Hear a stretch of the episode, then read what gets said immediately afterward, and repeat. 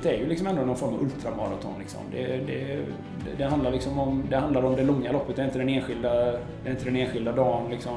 Det, det, finns, det finns alla möjligheter att saker och ting vänder och blir bättre. Och sådär. Så att jag tror att just det här att lära sig att, liksom, att inte ge upp. Hej och välkommen till Mentala Mästare, en podcast om mental träning och om att prestera när det verkligen gäller. Jag som gör den här podden heter Eva-Marie Vergård och har som mål att inspirera dig till att börja träna ditt mentala för att både må bättre och prestera bättre. Oavsett om vi pratar om tävling, träning eller livet. I veckans avsnitt möter vi Jonas Kolting, konnässören och livsnjutaren från min egen hemstad Borås. Han är färskt hemkommen från sin triathlon-comeback, Ironman Kalmar, och laddar som bäst upp inför Ö när vi ses på Brainforce kontor. Så här veckan efter Ötöö kan vi meddela att det blev en härlig dag i Stockholms skärgård för Jonas och hans vän Tobias. Jonas bakgrund är gedigen med flera stora titlar inom de allra längsta triathlonloppen. Förutom tävling har han även gjort flera välgörenhetsäventyr som till exempel Gotland runt och simma genom Sverige. Jag är riktigt glad för att få haft detta samtal med Jonas och jag kan garantera att efter att ni har lyssnat kommer ta på er träningsutrustningen och ge er ut med en helt ny glöd. Han har den effekten på folk. Inget mer att säga nu, för nu kör vi! Då hälsar jag dig välkommen till Mentala Mästare, Jonas Kolting. Tack så jättemycket. Hur har helgen varit? Eh, hur har helgen varit? Ja, men helgen var väl eh, ganska lugn faktiskt. Det var första helgen som det inte var något stort eh, sport och träningsfokus på, på väldigt länge faktiskt. Så det, var, det var en väldigt skön helg. Även, även om det blev lite träning såklart. Men, men det var första helgen efter Ironman i Kalmar så eh, det var skönt att vara hemma och skönt, och, skönt att ta det lugnt. Ta det lugnt och eh, mecka ihop barnvagn ja. och ja, så lugnt Precis. med betoning på... Ja. ja, men det var faktiskt klart innan helgen. Vi blev klara på fredagen med det mesta. I och för sig var vi på IKEA sen senare också och köpte en säng. Men, men, eh, men det stora liksom, renoverings-, städnings-, rensnings och bebisförberedelseprojektet liksom var hela, hela veckan fram till fredag. Men det var ju ganska, ja precis, så jag var nog rätt trött i helgen också om sanningen ska fram. Det låter helt underbart ja. och framförallt nu har ni ju Ö till Ö nu efter helgen här och ja. satsa på också. Ja just det, nu, precis. Nu är det ju bara några dagar kvar faktiskt då. Men det, det ser jag verkligen fram emot. Det har jag kört nu varenda år från starten. Så det känns som, det är min årliga tradition att första helgen i september åka ut i den stockholmska skärgården och eh, ja, plåga mig runt den där banan då.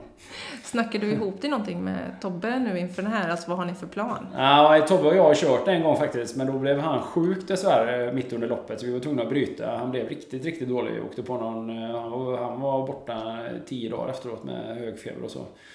Och det bröt ut mitt under loppet då. Så eh, han har ju lite koll på vad det innebär naturligtvis då. Sen har ju vi tränat ju jättemycket ihop i vanliga fall. Men eh, vi ska väl köra ett pass tillsammans innan nu. Ett swimrun-pass.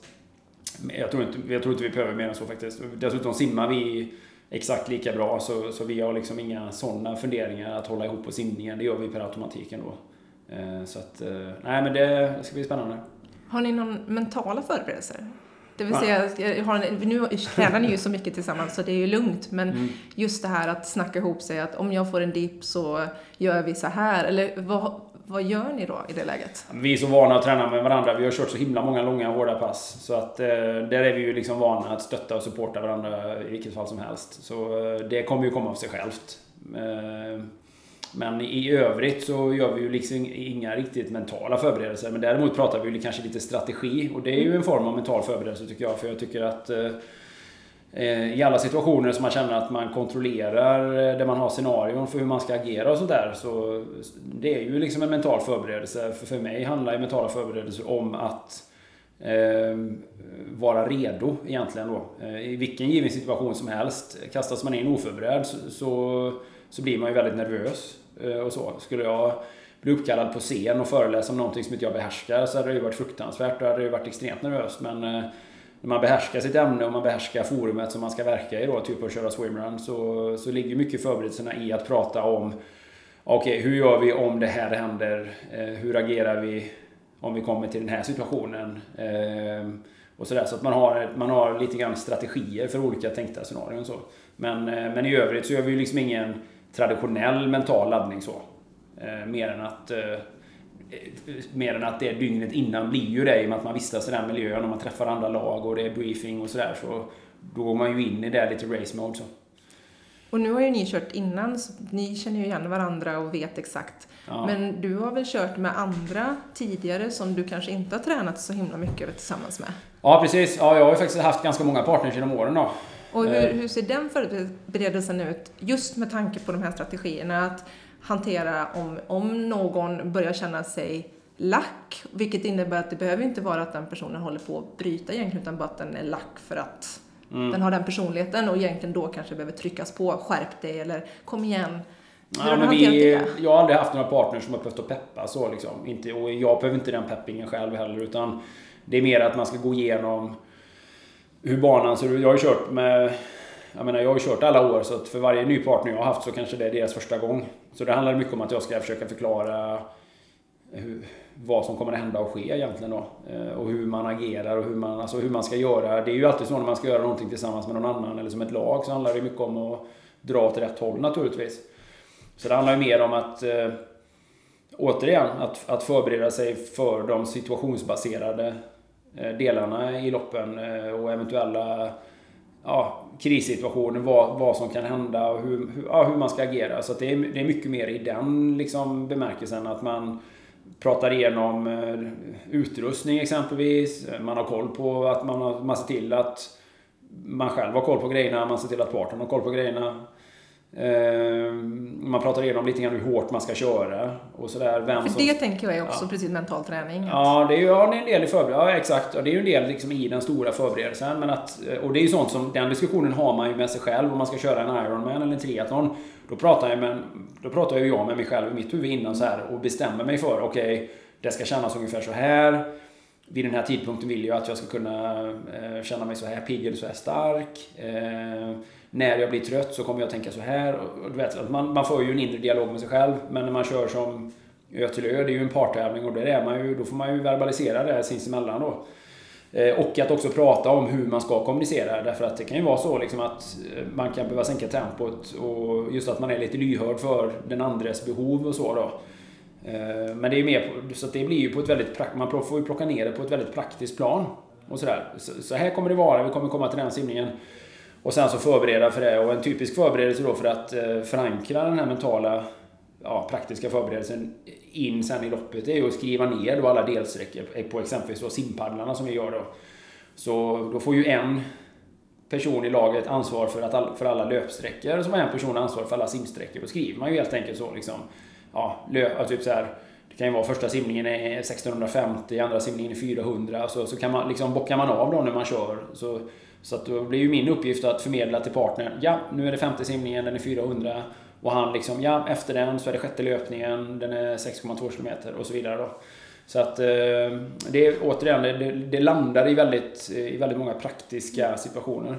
Men en grej som eh, egentligen det enda som jag kan komma ihåg då riktigt krisiga läget då som har inträffat. Förutom då att jag har tävlat med partners som har blivit sjuka, det har hänt vid två tillfällen. Men då är det ju så, då får man ju liksom, då är det ju loppet slut.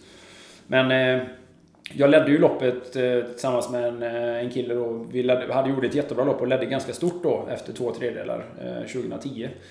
Eh, kom, kom upp på den här långa, långa löpningen, den längsta löpningen för dagen då. Och då hade banan saboterats dessvärre av några, jag vet inte vilka, men antagligen några unga som hade dragit ner snitslar och sådär då. Så att vi fann ju oss ganska snabbt vilse på den banan. Vi sprang ju fel helt enkelt då. Och eh, det är ju, då hamnar man ju i en sån krissituation liksom. Där man ska såhär shit, vi vet inte vart vi är, vi är i ledningen, vad ska vi göra? Så man får liksom eh, back, backtracka till där man var och så sen försöka hitta på banan igen då. Och sen då när man väl kommer upp på banan och så finner man då att hela ledningen är försvunnen och att man liksom istället för att leda med 25 minuter så ligger man 5 minuter efter ledande lag då. Så att, och det är ju mer sånt, den situationen har man kanske inte pratat ihop sig om innan. Utan då är det ju lite sådär crisis management under och det får ju också förhoppningsvis falla sig naturligt då att någon är... Eh, jag blir ju lite het eh, då i de situationerna. Och som tur var hade jag en partner som var lite sådär kall och lite sådär, ja, eh, duktig under den pressen då. Så får man ju säga crisis man, Får man bryta upp lite och så komma igen då. Men så kan det, och sånt kan ju hända på alla möjliga event och tävlingar. I idrottssammanhang, kör man en triathlon kan man få en punktering. Det har ju också hänt. Och då får man ju liksom lösa situationen och gå vidare. Så man får ju alltid ha i bakhuvudet sådär ja, om man nu kallar det för katastrofscenarion som kan, som så här, det är inte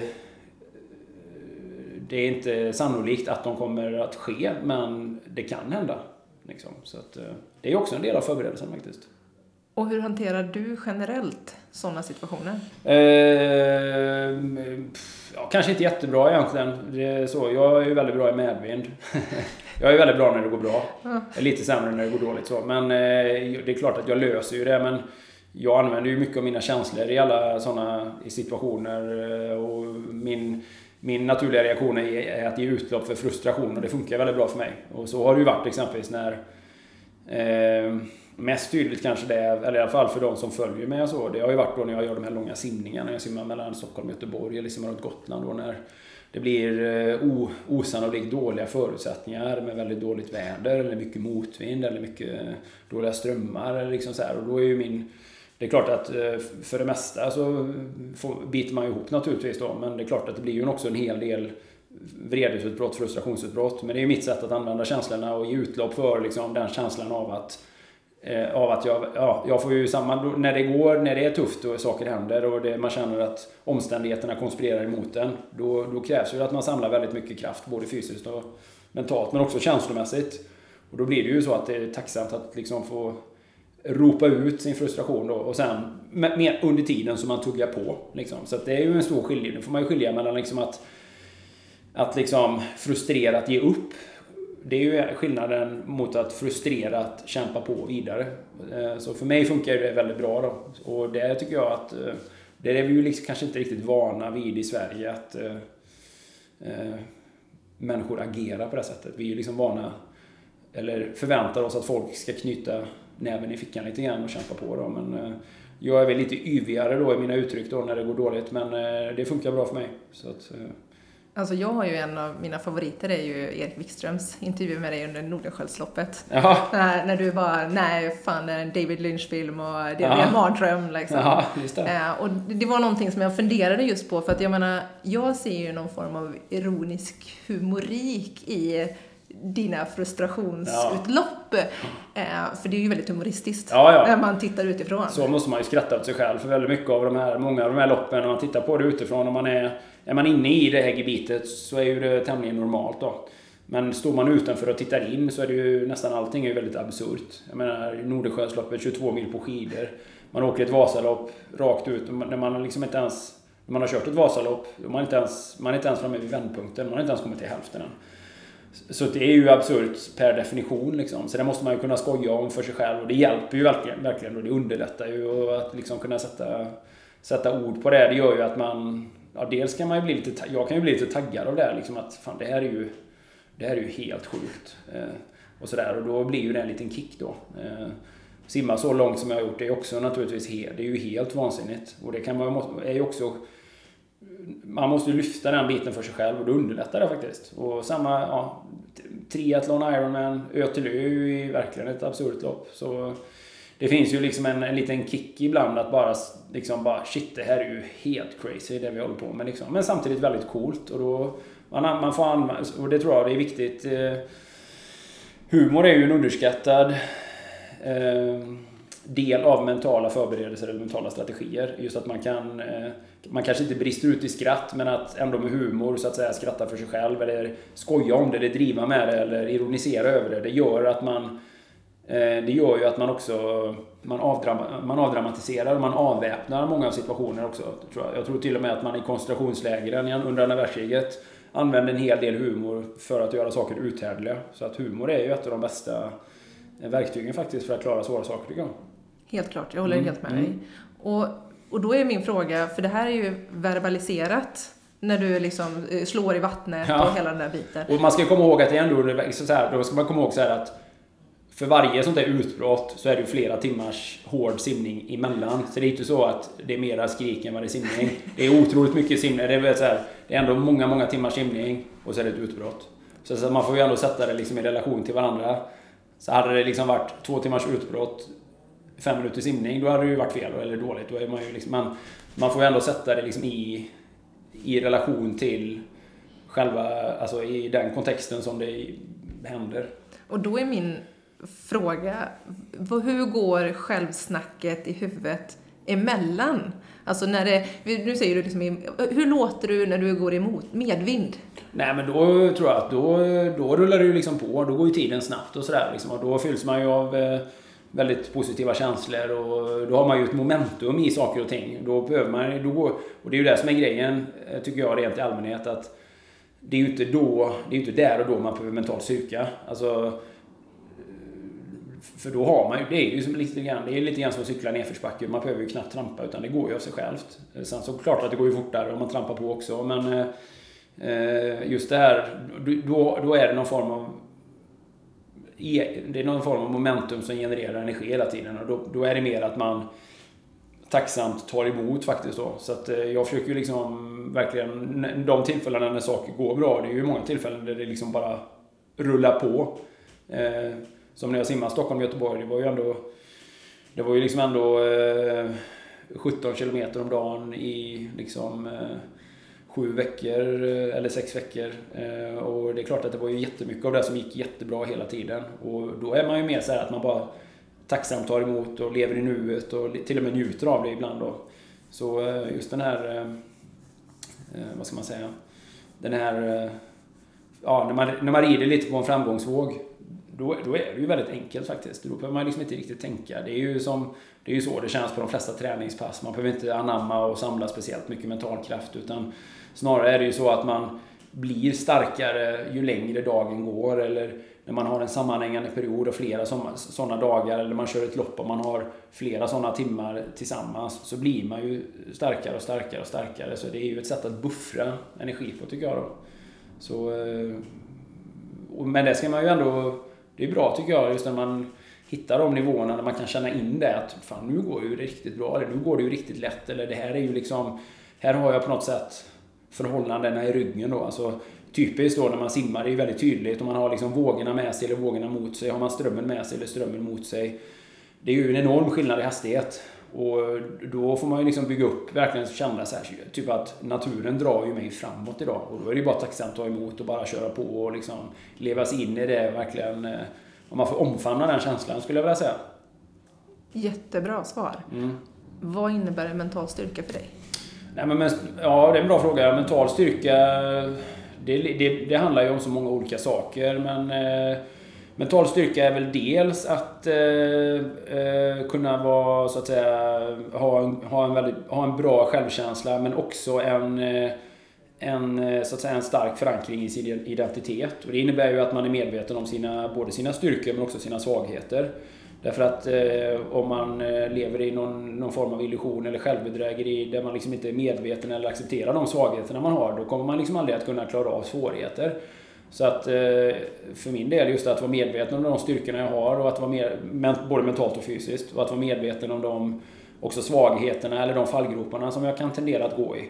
Gör ju att jag är också bättre på att dels undvika dem, eh, att inte sätta mig i situationer under tävling och träning där ja, de sämsta delarna kommer fram istället för de bästa delarna. Och att också över tid då utveckla strategier som eh, kan hjälpa mig att liksom minimera eller så här, så här, skademinimera då i de situationerna där jag, där jag vet att, eller ja, där jag, där jag vet att jag typiskt då är svag. Så dels är det ju det att man, att man har en väldigt god, att man har en väldigt god självinsikt och eh, att man, in, att man inte är lagd åt självbedrägeri. Sen är det ju alltid bra att peppa upp sig och tänka positivt ändå. Eh, naturligtvis. Och, att, eh, och det skulle inte jag vilja kalla för självbedrägeri utan det är mer ett sätt, det handlar, det handlar mer om humör för mig. Liksom, att vara, eh, närma sig en uppgift positivt och positiv, eh, med en positiv approach och att vara glad. Eh, och kanske till och med tacksam eh, och så. Eh, kontra då en negativ approach. Men sen är ju mental styrka också att kunna situationsanpassa, eh, skulle jag vilja påstå. Eh, mental energi, mental styrka är att, att veta vart man hämtar kraft ifrån. Eh, jag hämtar mycket kraft ifrån eh, min känslomässiga sida.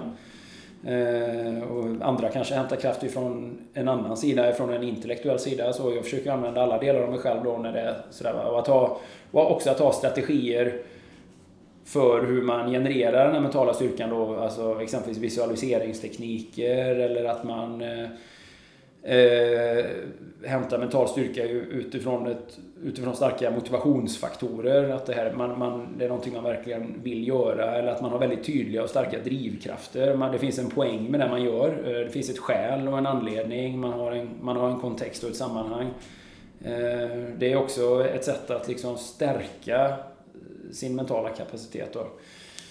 Eh, och sen är det ju också att, att kunna retoriskt för sig själv hitta andra uttryck ifrån det som andra människor utifrån typiskt hade velat lägga på en situation. Exempelvis när en idrottstävling eller en fysisk ansträngning blir, blir jobbig.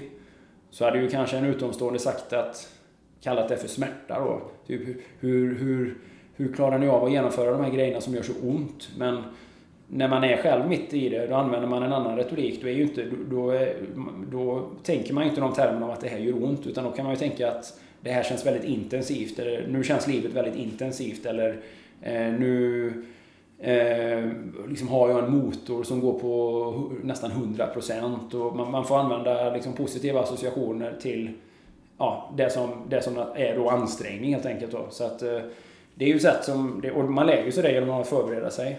Och, och så. så det finns många olika, tycker jag, det bottnar i många olika delar med, med liksom mental styrka. Och jag tror väl att eh, den viktigaste delen är väl nog eh, drivkrafter, skulle jag vilja säga. Drivkraft och motivation. Har man inget bra svar på varför man gör saker, då är det väldigt svårt att motivera sig så fort det gör... Så fort det blir lite jobbigt så är det svårt att hitta bra svar på det. Då. Jag blev jätteintresserad nu när du pratade om de här associationerna och använda ord. För jag, ja. jag tror verkligen ord, eller tror, jag vet att ord mm. har så otroligt mycket betydelse. Och jag tänker att också att det är en mognadsprocess. Så om vi tittar på när du började med den här Ja, men när det gör ont. Alltså ja, vi säger, ja. när du började prestera till idag, liksom, hur har, den, har du alltid haft medvetenheten om vad ord kan göra för dig? Nej, men jag tror ju att många är medvetna om hur mycket självprat man faktiskt... Alla människor får ju en dialog med sig själv i alla situationer. Vi har ju liksom en... Eh, vi har ju någon form av, vi har någon form av överjag där som vi liksom hela tiden... Eh, ja, vi har ju ett medvetande som liksom aldrig lämnar oss i fred egentligen. Och det är ju egentligen i extrem, det är ju väldigt sällsynta situationer där vi hamnar i ett sånt här nästan scenliknande tillstånd då där vi kan släppa medvetenheten och liksom bara ja, på något sätt utan att faktiskt medvetet tänka någonting eller prata till oss själva. Men det händer ju väldigt sällan egentligen. Så just att bli medveten, bli medveten om det här självpratet är ju väldigt viktigt. Eh, och att vara medveten om vad man säger till sig själv.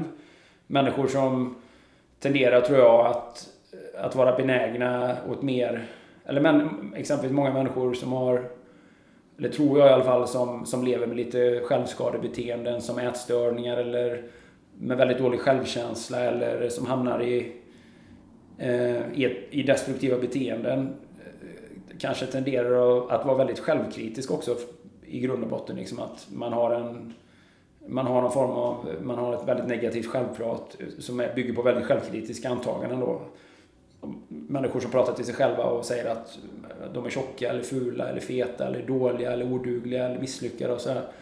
Och vilket ju inte har någon som helst bäring eller koppling till hur det faktiskt är i verkligheten. För i verkligheten finns det ju liksom inga skarpa skiljelinjer. Liksom. Det finns ju liksom ingen mall eller facit på vad som är bra och dåligt egentligen.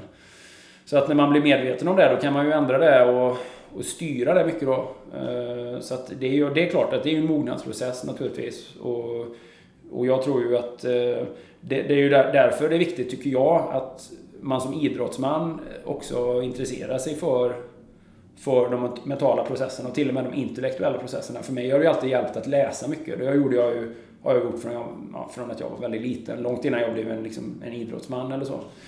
Och det hjälper ju att utveckla, dels hjälper det ju att utveckla språket, men det hjälper ju att också utveckla tänkandet. Eh, för att eh, ju, ju, bättre man har, ju bättre man är på att sätta ord på tankar eller på att förstå verbala intellektuella sammanhang, desto bättre är man att använda det till sin fördel i sitt egna tänk då. Men sen min, min egentliga bakgrund är ju eh, simning, det är ju bassängsimning och det är ju egentligen en företeelse som är väldigt mycket mer intensivt jobbig än Eh, än vad man nu kallar extremkonditionsidrott om man håller på i många timmar.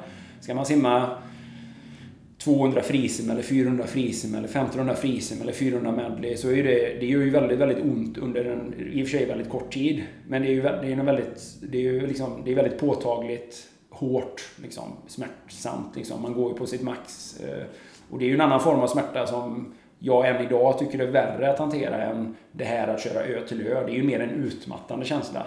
Men det är ju aldrig, det är ju aldrig liksom det här maxpuls, ja, mjölksyra, eh, ja, det, det liksom är verkligen så här, det här gör ju så ont liksom. Eh, så att eh, jag fick väl en tid, tidigt liksom en känsla för hur man skulle hantera det på något sätt och genom träning och tävling. Eh, ja, och lär man sig inte hantera det så, så faller man ju bort ganska snabbt och då, då får man liksom svårt att vara kvar i det och tycka att det är belönande. Men jag, jag hittade väl ett sätt att tänka kring det. Jag kan inte komma ihåg riktigt hur jag tänkte under de åren då. Det här är ju liksom under mina tidiga tonår och fram till 15-16 års ålder. Men, men det fanns ju någonting övergripande positivt i hela företeelsen att hålla på med simning som lockade och då tvingas man ju in i att lära sig att hantera det också då. Eh, och sen, sen, har man ju, sen har jag väl utvecklat mitt tänk genom åren och framförallt stärkt drivkrafterna väldigt mycket och då har ju det dessutom bara blivit enklare och lättare och mera värt till och med då.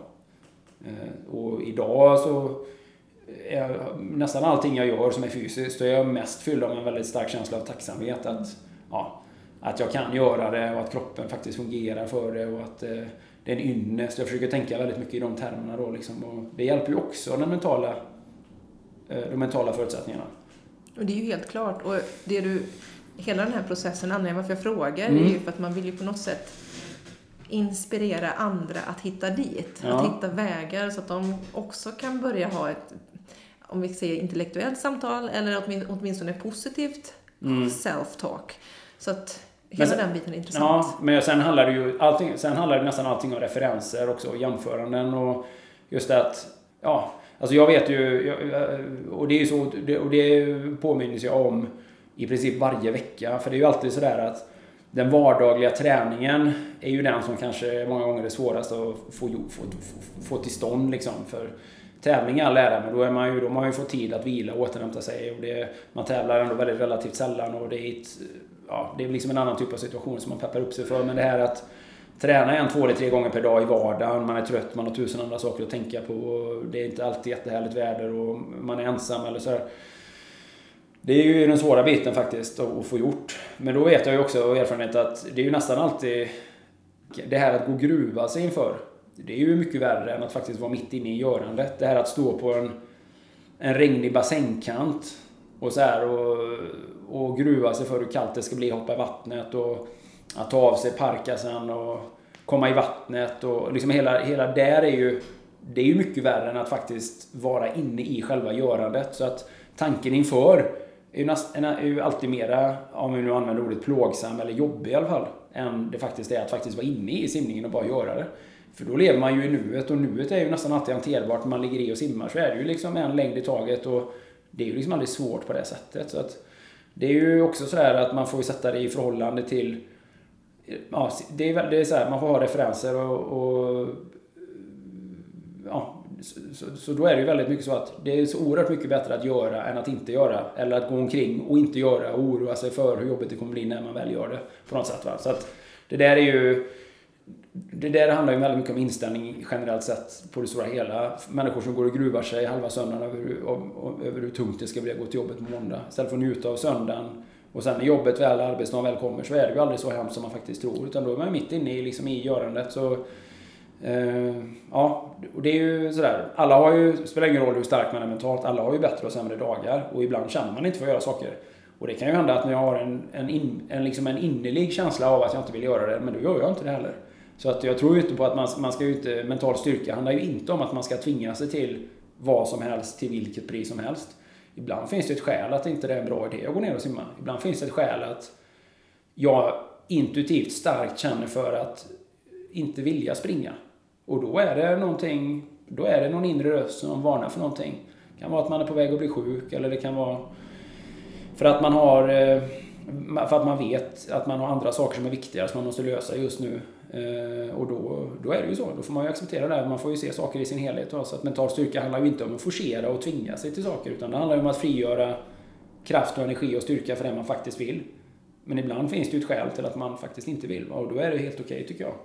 Så, eh, det, och det är också en mognadskänsla att kunna känna av liksom. Det är många pass jag har kört. Jag ger mig ut och så vänder jag och går hem direkt. Och så känner jag, nej men det här var inte rätt idag. Eller det var inte rätt just nu i alla fall. Därför att man, jag är okoncentrerad, jag, har, jag, jag vet att jag egentligen borde göra det här, det blir ändå inget bra pass. Eh, kroppen är inte redo för det här passet precis nu. Och sådär. Och, och, då är det också mental styrka att kunna säga, nej, det här var inte rätt precis nu. Den utmaningen som jag tänker många andra har som inte känner sig själva, det är nej. att veta, är det gruvning eller är det kroppen som försöker tala om någonting för mig. Och det är ju egentligen bara erfarenhet till viss del. Absolut, och så är det ju. Jag vet ju nu, eller och, eh, vid det här laget vet jag att jag är ju liksom ingen, jag är ingen lat människa på det sättet. Så att, eh, och det är klart att för många som är nya, som inte har kommit så långt i den här självkännedomsövningen, de, eh, då kan det ju vara så att man tvingar sig till att göra vissa saker som kanske inte riktigt var rätt. Bara för att man är rädd att se sig själv som en latmask. Eh, så att det får man ju, det får man ju faktiskt, det får man ju anamma lite övning och det är en, en, en, en erfarenhet som man erhåller liksom över tid då. Eh, ja, så, att man ska inte vara rädd för att ja, skita i saker ibland också. Typ så här, jag hade tänkt att gå och simma men jag gör inte det trots allt. Och det är inte för att jag är lat utan det är för att en inre röst säger till mig att just nu och just här så, så, är det, så är det nog inte helt rätt att göra då liksom. Så att, eh, och där att verkligen ta ett steg tillbaka, se sig själv utifrån och kanske se mönster, ja, framtid och baktid. Ja, ja, så är det ju i sammanhanget liksom. Så att, eh, så, ja, så att man får ju se, man får ju se saker i ett mycket större sammanhang än bara enskilda pass och sådär. Men det är också mental styrka att kunna säga så här, nej, jag mår inte riktigt bra så jag tror jag hoppar upp, jag tror jag skiter i resten av passet eller jag tror att jag hoppar över det passet eller sådär va. Så att, eh, ja. Prestigelöshet är en del av mental styrka. Och säga att jag gör det som är bäst för mig och för mig idag är det bäst att inte simma eller springa eller gå till gymmet eller vad det nu är. Om det, om det känns så. Och ibland gör det det. För mig med. Du lyssnar till Mentala Mästare Följ oss gärna på sociala medier där jag varje vecka lägger upp frågor och reflektioner kring just mental träning. Mentala Mästare.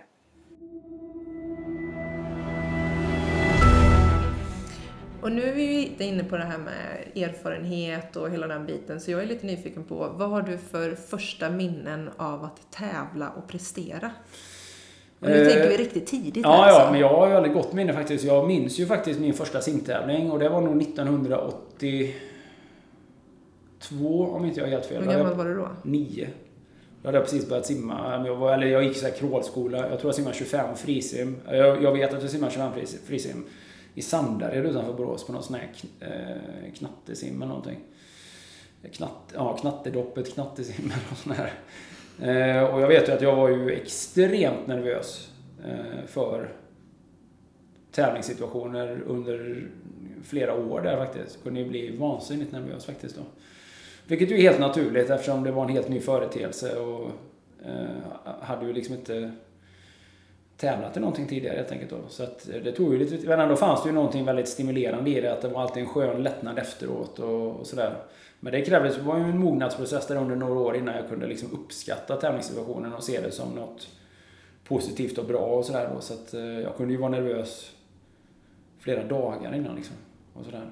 Och än värre var det ju det här man skulle springa på tid i skolan då. Det här man skulle springa distans på tid, springa fyra varv runt någon park eller någonting. Och det var man ju nervös för hur länge som helst innan då. Men det var ju också så här, ja, man visste inte hur man skulle göra, var dåligt förberedd. Visste bara att det skulle göra väldigt ont. ja, så att eh, men jag, jag kommer mycket väl ihåg de här första, de här första åren av tävling faktiskt då. Men, och den, mest, eh, den mest tydliga minnesbilden var att jag var nervös. Men sen vet jag att när jag började med Sen gick ju det över naturligtvis mer allt eftersom jag blev, blev bättre. Jag blev ju bättre på, om man säger hantverket då. Att, att simma och precis som jag sa tidigare, ju mer man behärskar sitt, sitt hantverk och har tränat på det, desto bättre blir man ju på att tävla också och desto mer tycker man ju om det.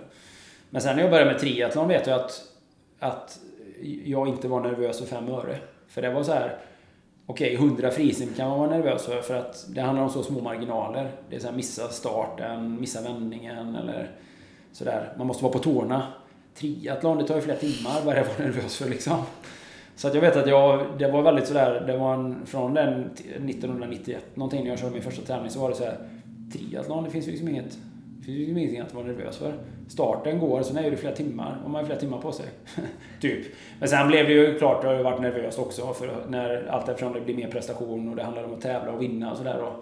Då, då blir ju det, då blir ju det liksom, har ju klart att det finns nervositet också.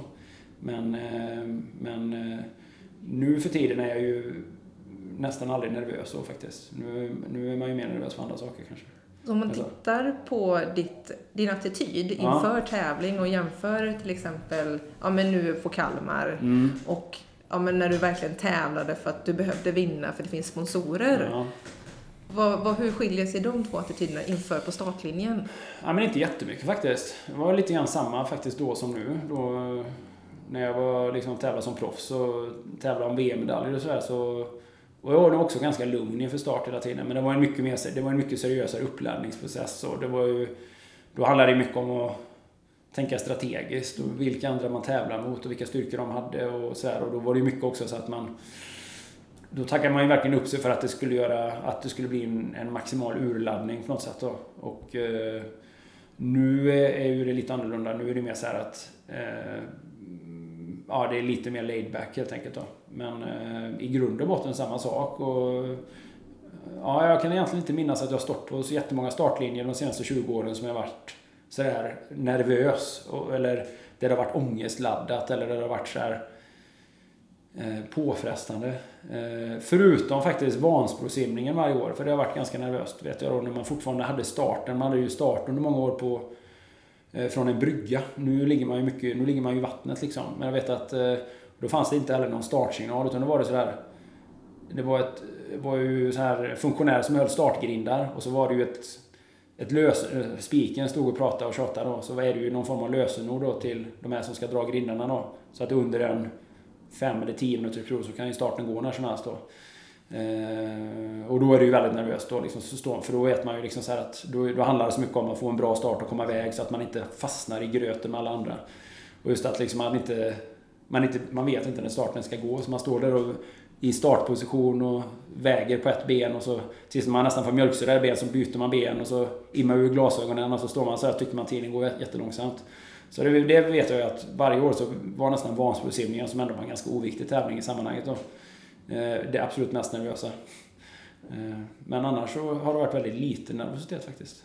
Det är ju jätteskönt. Ja, ja. Och, men jag tänker att, för du, du tävlade ju på någonting som inte var SOK man fick ju inte betalt från någon utan man fick ju mm. fixa sina egna sponsorer. Och just, ja, just och just där i början så tänker jag att även om du kanske inte hade den ångesten inifrån så finns det ju en viss press att om du behöver komma på pallen för att få dina sponsorer eller ja. överhuvudtaget skaffa sponsorer. Ja. Och det tycker jag är ganska intressant hur du hittade balansen mellan att ha den pressen att du behöver leverera och ändå ha den här prestigelösheten som du mm, pratar om. Mm. Ja, hur, hur gjorde du i början där? Nej, alltså, men hur tar det massa energi liksom? Ja, men det, var nog, det, är nog, det är nog väldigt mycket samma som det är nu. Utan det, handlade, det handlade alltid om att jag inte ville göra mig själv besviken. Det, det är väldigt mycket det. Sen jag, den andra biten, liksom ekonomin och sponsorerna, det har jag alltid tänkt att... Det har jag liksom alltid... Det har alltid löst sig ändå. Jag har alltid tänkt att det löser sig ändå. Utan det handlar mest om att tycker jag, att göra mig själv eh, besviken eller nöjd. Eller, och, och känna att, man, att jag inte har kunnat eh, eh, liksom, vad ska man säga, som på engelska, rise to the occasion. Att, att eh, få ut det bästa på tävlingen. Liksom att, att vika ner sig i en viktig situation. Det har, det har nästan alltid handlat om det faktiskt. Att, eh, att inte eh, orka hela vägen eller att liksom inte kunna hänga i eller kunna, att inte kunna liksom tävla så bra som jag tycker att jag borde. Det har nästan alltid varit de delarna faktiskt. Det har inte varit så mycket att jag varit eh, orolig eller nervös över mera praktiska saker då, som, som pengar och ekonomi som i och för sig då är ju en jätteviktig och stor drivkraft när man tävlar professionellt. Men det har aldrig varit det som, det har aldrig varit det som har gjort mig nervös eller stressat mig. Utan i så fall är det att göra mig själv besviken och de som liksom står mig nära då liksom. Eh, att, att eh, inte har kunnat, ja, gjort så bra som jag vet att jag borde ha gjort då liksom. Så att, eh, där är ju, där, där har jag lagt mycket press på mig själv ibland men det har inte liksom bottnat i nervositet och sådär utan mer, mer i liksom, eh, ja, press kan man ju säga men, men eh, det har jag liksom aldrig upplevt det som något negativt direkt så. Faktiskt då. Så att, ja, det, det är lite svårt att förklara hur, och jag har ibland lite svårt att komma ihåg hur det var. Men jag vet att eh, alla tävlingar som jag har varit väldigt bra, där träningen har gått bra för, då har jag också varit väldigt liksom, lugn och eh, säker liksom, på min prestation. Då.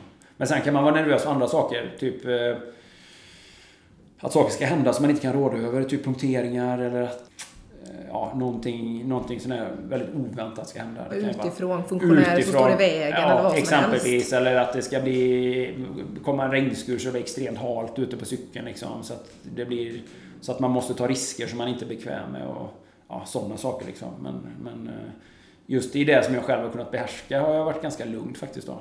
Och det hänger ju mycket på hur man har förberett sig då. Det har ju verkligen varit så här att har träningen gått bra, då bygger det självförtroende hela tiden. Och många gånger tycker jag att de passen jag har gjort har varit värre än tävlingarna. Alltså jag har haft en del, när jag tävlade som proffs och var riktigt duktig, då kunde jag ju pressa mig svinhårt på träningen. Och det var ju mer så att då kunde jag ha ångest inför vissa träningsdagar. För jag visste att det här kommer ju vara fruktansvärt. Det här, liksom, det här kommer göra så ont så att jag kommer känna som jag kommer vilja dö tre gånger under den här dagen. Liksom.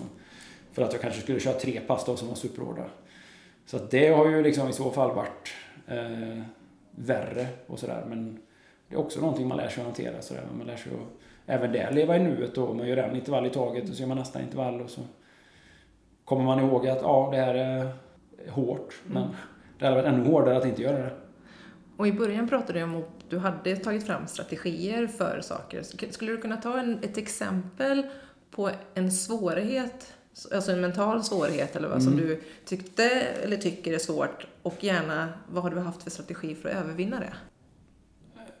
just det här att, ja men som en triathlon-tävling då, det kan, ju, det kan ju gå både upp och ner under en dag. Eh, och det kan ju vara så att man blir ifrånkörd, kanske tidigt i ett lopp då. Eh, och eh, där, där då kanske det var så tidigt då i min karriär att man kunde tänka att ja, då, ja, då är det loppet kört liksom. Eller då, ja nu är det, ja nu, jag förlorar. Eller så här, ja nu går det dåligt liksom. Men eh, det är det senare då, liksom, så här, med tiden, när man växer fram liksom att okej, okay, men det här är liksom bara det är bara en del av loppet. Det finns ingenting som säger att inte han, han blir tröttare sen och jag blir starkare. Exempelvis liksom, alltså att vara trygg i, sin egen, trygg i sitt eget utförande. Eh, och att eh, inte låta negativa känslor påverka en då, i det sammanhanget. Då. Bara för att någon tillfälligt kör lite hårdare lite starkare. För det vet man ju aldrig. Det kan ju vara någon som ger precis helt plötsligt lägger in ett, ett, järnet under en period då.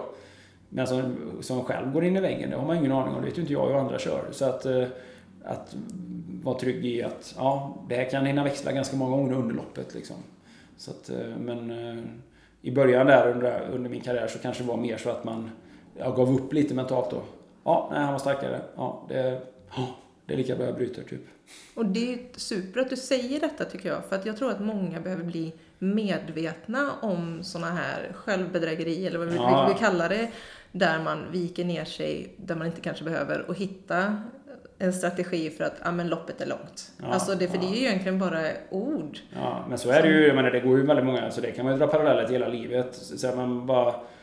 Ja, ja, man har, man har, ibland har man dåliga dagar och ibland har man dagar då man liksom det kanske inte dagen i sig är dålig, men, men man själv är dålig. Och där man tänker på väldigt negativa sätt. Och då, då är det väldigt lätt att läsa in att saker och ting går emot en. Spiller lite kaffe nu på morgonen. Ja, typiskt. typiskt ja, ty, eller så här, och så hände det och så hände det. Och så var det någon som eh, skrev ett argt mail eller så. Ja, men du vet så här. Man tycker liksom dörrar stängs i ansiktet på en kanske. Och, och, och med en annan attityd så hade det kanske tolkats på ett helt annat sätt egentligen. Så det där är ju... Och även där kan man liksom inte lägga sig ner och dö bara. Utan då får man, ja, man får kämpa vidare och jobba på liksom. Och, Eh, så att jag tycker ju att sådana här långa idrottstävlingar eller när man ser liksom på en, ja, en triathlon då. Det är ju inte någon kanske bra metafor för livet i stort men just att eh, livet är ju liksom ändå någon form av ultramaraton. Liksom. Det, det, det, handlar liksom om, det handlar om det långa loppet, det är inte den enskilda, det är inte den enskilda dagen. Liksom. Det, det, finns, det finns alla möjligheter att saker och ting vänder och blir bättre. Och sådär, va? Så att jag tror att just det här att lära sig att, liksom, att inte ge upp. Det är klart att man kan det är klart att man måste liksom få hämta andan och det är klart att man måste få liksom sätta sig en kväll i soffan och bara tycka att livet, nu skiter jag i saker och ting en stund. Det, och det är ju bara en, det är ju liksom en paus men att att inte, ge, att inte ge upp för svåra situationer, att inte resignera över tid och säga att ja, det, så här är det, det finns ingenting jag kan göra. Utan att eh, mer säga att okej, okay, eh, nu var det lite jobbigt ett, ett tag här. Och så, men eh, nu tar vi tag, nu är det nya krafter och så här. Just den här tillförsikt, eller liksom eh, förtröstan i sin egen förmåga att så här, om jag bara kämpar, om jag bara kämpar på så kommer det att åtminstone att bli bättre. Eh, och om jag ger upp så kommer det definitivt att bli sämre. Så, så att, man, att man kan känna att man, man äger väldigt mycket av kraften. I, alltså man har kraften i sina egna händer. Jag har ju så att säga mitt öde i mina egna händer. När jag kör en triathlon då hänger du nästan bara på mig själv. Jag kan inte påverka hur de andra kör men jag kan ju bestämma mig för om jag ska ge upp eller kämpa på liksom. Och sen om jag kommer etta eller 21 det hänger ju faktiskt en hel del på hur duktiga de andra är som jag kör och tävlar med. Sådär, va?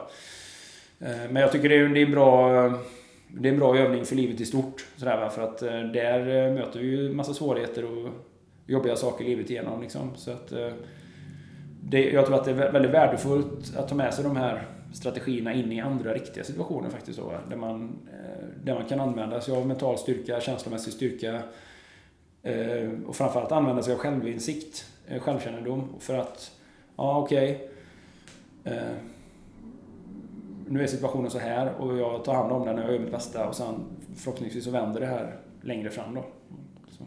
Riktigt bra svar. Riktigt bra svar. Nej, jag men jag tror att det är det viktiga och det tror jag generellt sett är varför också många människor söker sig idag till ganska tuffa lopp och sådär. Därför att eh, det, det blir liksom en träning i, det är en övning i både fysisk styrka naturligtvis och fysisk hälsa men också mental styrka. Och att eh, eh, man behöver ha, man behöver ha faktiskt ganska mycket mental och känslomässig styrka för att eh, ja, överleva vardagen över tid tror jag. Eller överleva vardagen på ett bra sätt. Eh, att inte bli sjuk eller att inte bli deprimerad. Att inte bli, att inte bli ett offer eller att inte känna sig som ett offer. Eh, utan att, eh, att kunna leva med självrespekt och sådana saker. Då är de bitarna väldigt viktiga på något sätt. faktiskt. Helt klart. Mm. Du nämnde innan, om vi tänker strategier och som är ganska konkret, då nämnde du visualisering. Ja. På vilket sätt använder du det? Ja, men jag kan exempelvis använda det till, eller eh, Typiskt då som idrottsman så brukar jag försöka liksom spara på väldigt goda minnen. Eh, det kan ju vara framförallt då träningspass som har gått väldigt bra.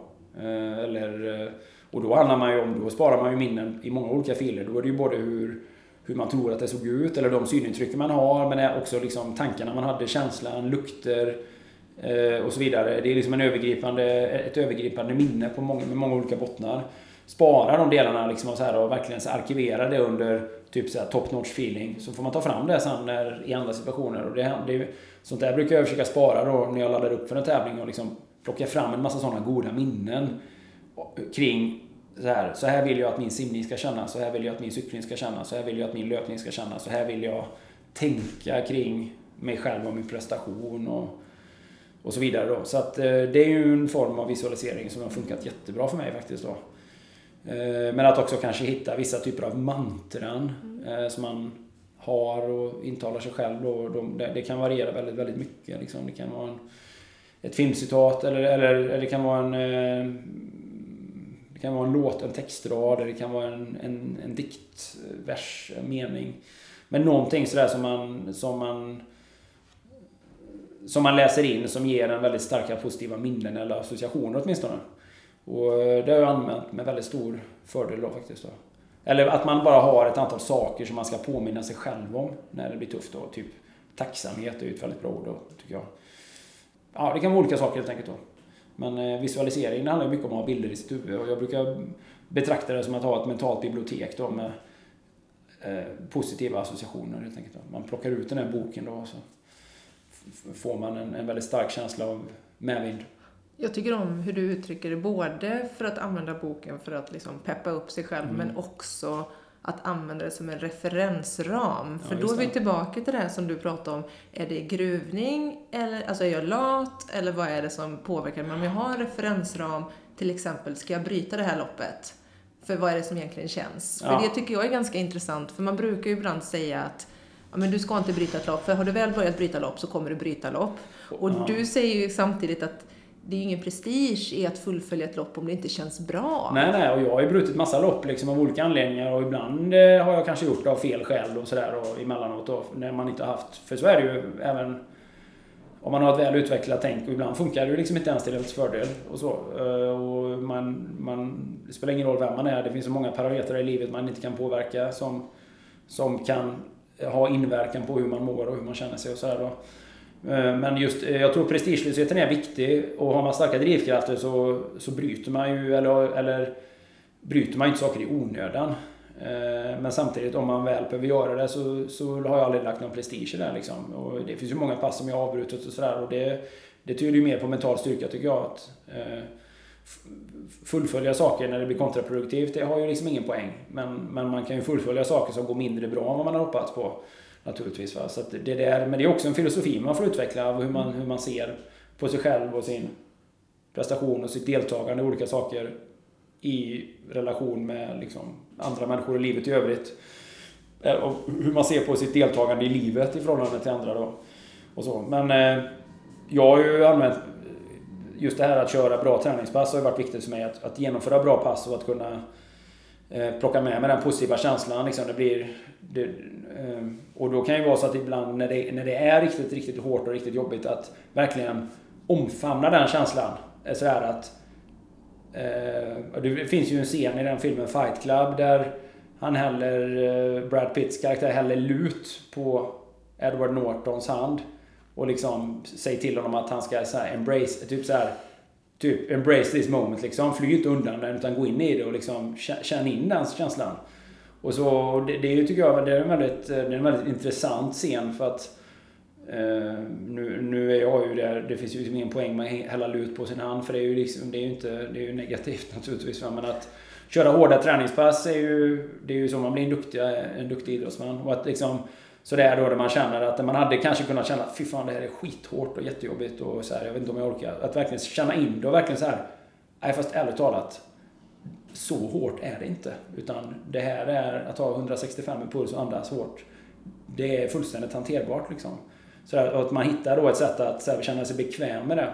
Och jag, jag, vet att jag såg en annons för många år sedan i en, i en triathlontidning. Jag vet inte vad de gjorde annons för, ett par skor så här, men just att så här, uncomfortable with the uncomfortable, stod det i annonsen så här. Och det är också en väldigt bra, eh, tycker jag, ett, ett, väldigt bra citat som jag har kunnat använda så här. Men jag är lite bekväm med att ta det obekvämt. Om, om det är någonting jag har valt själv liksom så där. Så att, eh, men man får, det finns många olika nyanser av det tycker jag och att förstå att nästan allt handlar om drivkraft. Jag är ju extremt dålig på situationer jag inte själv har valt. Exempelvis så var jag ju helt värdelös i att göra lumpen för det var inte min situation. Så att, att uthärda kalla nätter i tält som inte jag såg något syfte i, det var jag ju värdelös på. Och det är ju helt rimligt också. För det är ju liksom inte, jag har inte valt det, det är inte min situation. Jag har inga drivkrafter kopplat till det. Att, alltså, alltså att utsätta sig för, obehag, för obehagets egna skull, det tror jag inte ett dugg på. Men att liksom att i det man har en stark drivkraft, eller det man faktiskt vill göra, så kräver det ju ändå ett, viss, det krävs ändå ett stort mått av motstånd för att liksom bli bättre i saker och ting. Som idrottsman krävs det att man kör både långa pass och hårda pass för att utmana sin kapacitet och bli bättre. Och kan man liksom i de stunderna av hård, när man, i det utsattaste av utsatta lägen där, omfamna situationen lite grann och säga att okej, okay, nu, nu är jag ju med alla mått mätt verkligen trött. Men, men, men det är ingen farlig känsla. Liksom. Det, så det finns ju väldigt mycket i det och det är saker och ting liksom hänger ju, hänger ju både ihop och går in i varandra väldigt mycket. Va? Men att eh, när man omfamnar sin drivkraft och gör den tydlig för sig själv då, då blir man också med tiden väldigt mycket bättre på att eh, ja, omvandla hårda eller utmanande situationer till någonting positivt och starkt. Då. Och det skulle jag ju säga är ju en, någonting som du smittar av. För att mm. eh, jag hade ju dig som gästföreläsare när jag läste specialidrott på Ja. Bäckingsgymnasiet. Just det.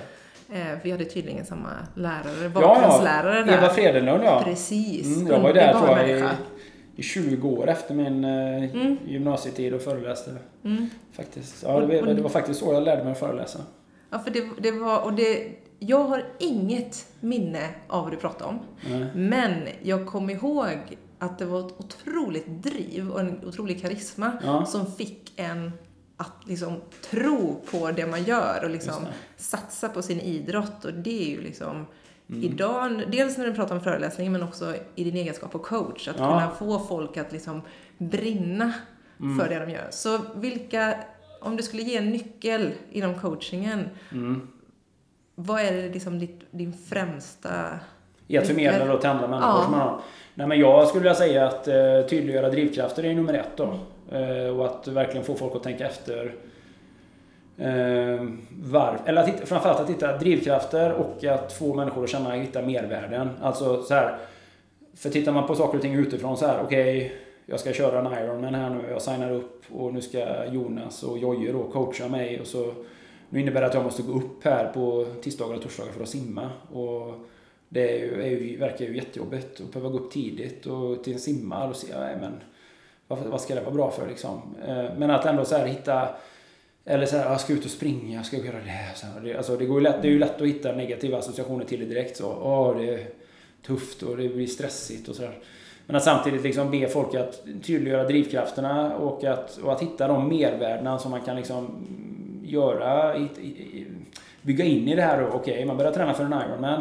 Och det är ju en fantastisk resa, det är ju en, eh, en transformation man gör som människa i att lära sig nya färdigheter för det första då. Bli bättre på de färdigheterna, att omvandla eller stärka sin kropp, kanske bli tio år yngre rent fysiskt. Eh, att eh, bli, bli uthålligare, att, att stärka sin självkänsla, man träffar nya människor, man får, man får vara ute i naturen, vilket ju naturligtvis är fantastiskt positivt. Träningen i sig tar ju lite tid, men det frigör ju otroligt mycket tid i andra ändan i, när det gäller att bearbeta stress och att frigöra energi och, och så vidare. Då. Man kan få med sig sina barn, man kan inspirera sin partner. Åt, ja, återigen, då man träffar andra människor, får man nya kompisar. Liksom det, blir ett, eh, det blir ett rikare liv på många sätt i hela upplevelsen.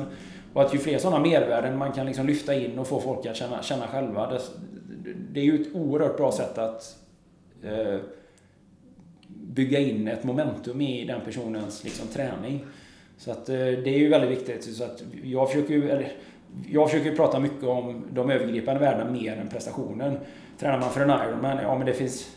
Man kan ju vara i superbra form men så kan någonting hända. Man kan till och med komma till tävlingen i Kalmar så kanske man blir sjuk dagen innan. Man kanske får i sig någonting där då. Alltså så man vaknar upp och är magsjuk så det blir inget lopp. Det betyder ju inte att de tio månaderna, ett år, två år, tre år är, miss, är bortkastade. Det blev inget lopp. Det är inte det det handlar om. Det handlar ju om resan dit, vad man har gjort med sig själv, vad man har lärt sig, vad man har, vad man har erhållit. Eh, allt det man har gjort, allt det man har investerat i, i, sin, i sitt fysiska välmående, i sitt psykiska välmående. Allt det som man har lyckats, allt det som har lyckats, alla svallvågor som har gått åt olika håll till arbetskompisar, familj, barn.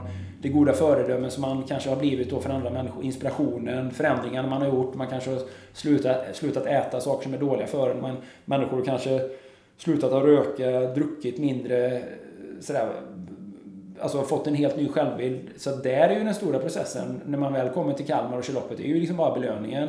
Och skulle någonting hända där så att det inte blev något lopp, ja men då finns det ett nytt lopp två veckor senare, eller nästa år åtminstone. Va? Så att det handlar mycket om att se den här långsiktiga processen och att det är det, det, är det här den här dagliga processen som är, de här dagliga vanorna som är den, den stora vinsten och det stora värdet då. Så att eh, där är väl, tycker jag, det är ju en del som är jätteviktig. Och lyckas man med det, då har man ju, då har man ju nästan lyckats hela vägen fram. Ja, de här drivkrafterna tror jag jättemycket på. Drivkrafter och mervärden, det är ju superviktigt då. Klockrent. Mm. Och det blir ett jättebra avslut. Mm, vad bra. Och min sista fråga, det handlar ju om vem skulle du vilja lyssna till i en podd med de här frågeställningarna? Ja, det var ju en jättebra fråga faktiskt. För att eh, mental styrka eller mentala Strategier? Ja, alla de strategier. Det går ju liksom långt utanför, det går ju långt utanför idrottsvärlden Jajamän. naturligtvis. Det går ju liksom, det är ju livet i stort faktiskt då. Eh, Men, men en person då som jag ja, i då idrottsvärlden som jag är väldigt eh, imponerad av då, eller som jag har stor respekt för, det är ju eh, före detta skidåkaren Johan Olsson. Som ju jag tycker har, och ja, som jag förstår i alla fall utan att känna honom, också har gjort väldigt mycket sådär, eh, mycket arbete med sig själv för att, för att eh, hitta strategier för att ja, komma tillbaka från bakslag eller eh, som i hans fall, bara att kunna hantera en elitidrottskarriär samtidigt som man har familj och barn då, som jag ännu inte har någon erfarenhet av. Då. Men snart kommer få. snart kommer få Så ja. roligt. Ja. Eh, ja, nu är jag ju förbi min elitidrottskarriär, men ändå då. Men det blir ju liksom ändå en, en väldigt ny erfarenhet då. Och, så att, eh, men det förstår jag att Johan har, eh, har nog mycket att bidra med när det gäller det tänket då. Men, men jag kan ju säga att det som inspirerar mig, eller det som jag har hämtat mycket liksom kunskap och erfarenhet från, eller eller vad ska man säga, referenser ifrån. Det är ju, jag älskar ju att läsa sådana här överlevnadsberättelser. Där människor liksom har hamnat i situationer där på något sätt självbevarelsedrift har tvingat dem till prestation. Och jag tycker ju att det är fascinerande med den här jag älskar ju den här berättelsen om Ernst Shackleton och hans eh, fartyg Endurance då som gick, gick eh, på grund eller fastnade i packisen då nära Sydpolen och eh, ja, tvingades över vintra eller liksom man spenderade ett helt år på någon karg obebodd ö och hur man liksom sen fick bygga en, bygga en båt av vrakrester och liksom så segla flera veckor i en öppen båt i iskallt vatten till någon sån här valfångststation och där man kom fram till den här valfångstationen var det fel sida öl så man var tvungen liksom att bergsbestiga hela jävla ön innan man tog sig ner och hur man sen då kunde skicka efter hjälp och hela den här processen, vi pratar ju om år, alltså det typ att det var 14 månader. Och hur, hur precis varenda en ur hans besättning faktiskt klarade, överlevde i det här då. Och det är ju sån här fantastisk eh, liksom, berättelse om vad man... Och, och man brukar ju, här, man brukar ju liksom härleda den här ja, relativa framgången då, att alla faktiskt klarar sig till hans enormt starka ledarskap då och positivt tänkande och bara sådär fokus på vad man kunde göra och inte tillåta, inte tillåta negativa tankar eller um, ja, eh, man, han, han tillät liksom inte att någon misströsta utan man, man gjorde sitt bästa för att eh, på ett väldigt kreativt sätt då för att, för att klara sig både fysiskt och mentalt. Och det är ju, tycker jag, sådana historier är väldigt fascinerande. För det visar lite grann på hur stark den här tankens kraft är då. I, i lägen där, och det är ju, väldigt, och det är ju naturligtvis, det, då pratar vi om liksom, ja, där är det ju fråga om liv eller död. Det går lite utanför det som vi vanligtvis ställs inför. Men Fast det är, ändå, det är ändå inspiration. Det är ändå väldigt inspirerande och väldigt fascinerande. Och, och det, dels handlar ju det om ledarskap, men det handlar också om eh, liksom, ja, hur stark den mentala kraften är. Så att eh, sånt kan jag tycka är väldigt intressant att läsa om då, liksom i hur, eh, hur vissa människor klarar sig och vissa, vissa inte då. Och att det eh, sällan hänger på rent fysiska förutsättningar utan det hänger nästan bara på hur man använder sin, sina tankar och sin fantasi och sin kreativitet och sitt känsloliv och sådär då. Så det är spännande. Super, nu kan vi nog inte intervjua Ernst Shackleton dessvärre, för Nej, han är död sedan ganska länge. Men vi länge. kan läsa hans ja, bok. man kan läsa om det. Men det finns, finns väldigt väl dokumenterat om de äventyren. Det finns ju många fler äventyr, många fler historier än det naturligtvis då. Men, men två ja. riktigt bra tips. Så Johan Olsson är väl det bästa vi kan komma på då? Ja, men det, det i, tycker i, jag vi tar hand på. I det här läget då. Mm. Tack så jättemycket Jonas. Tack själv.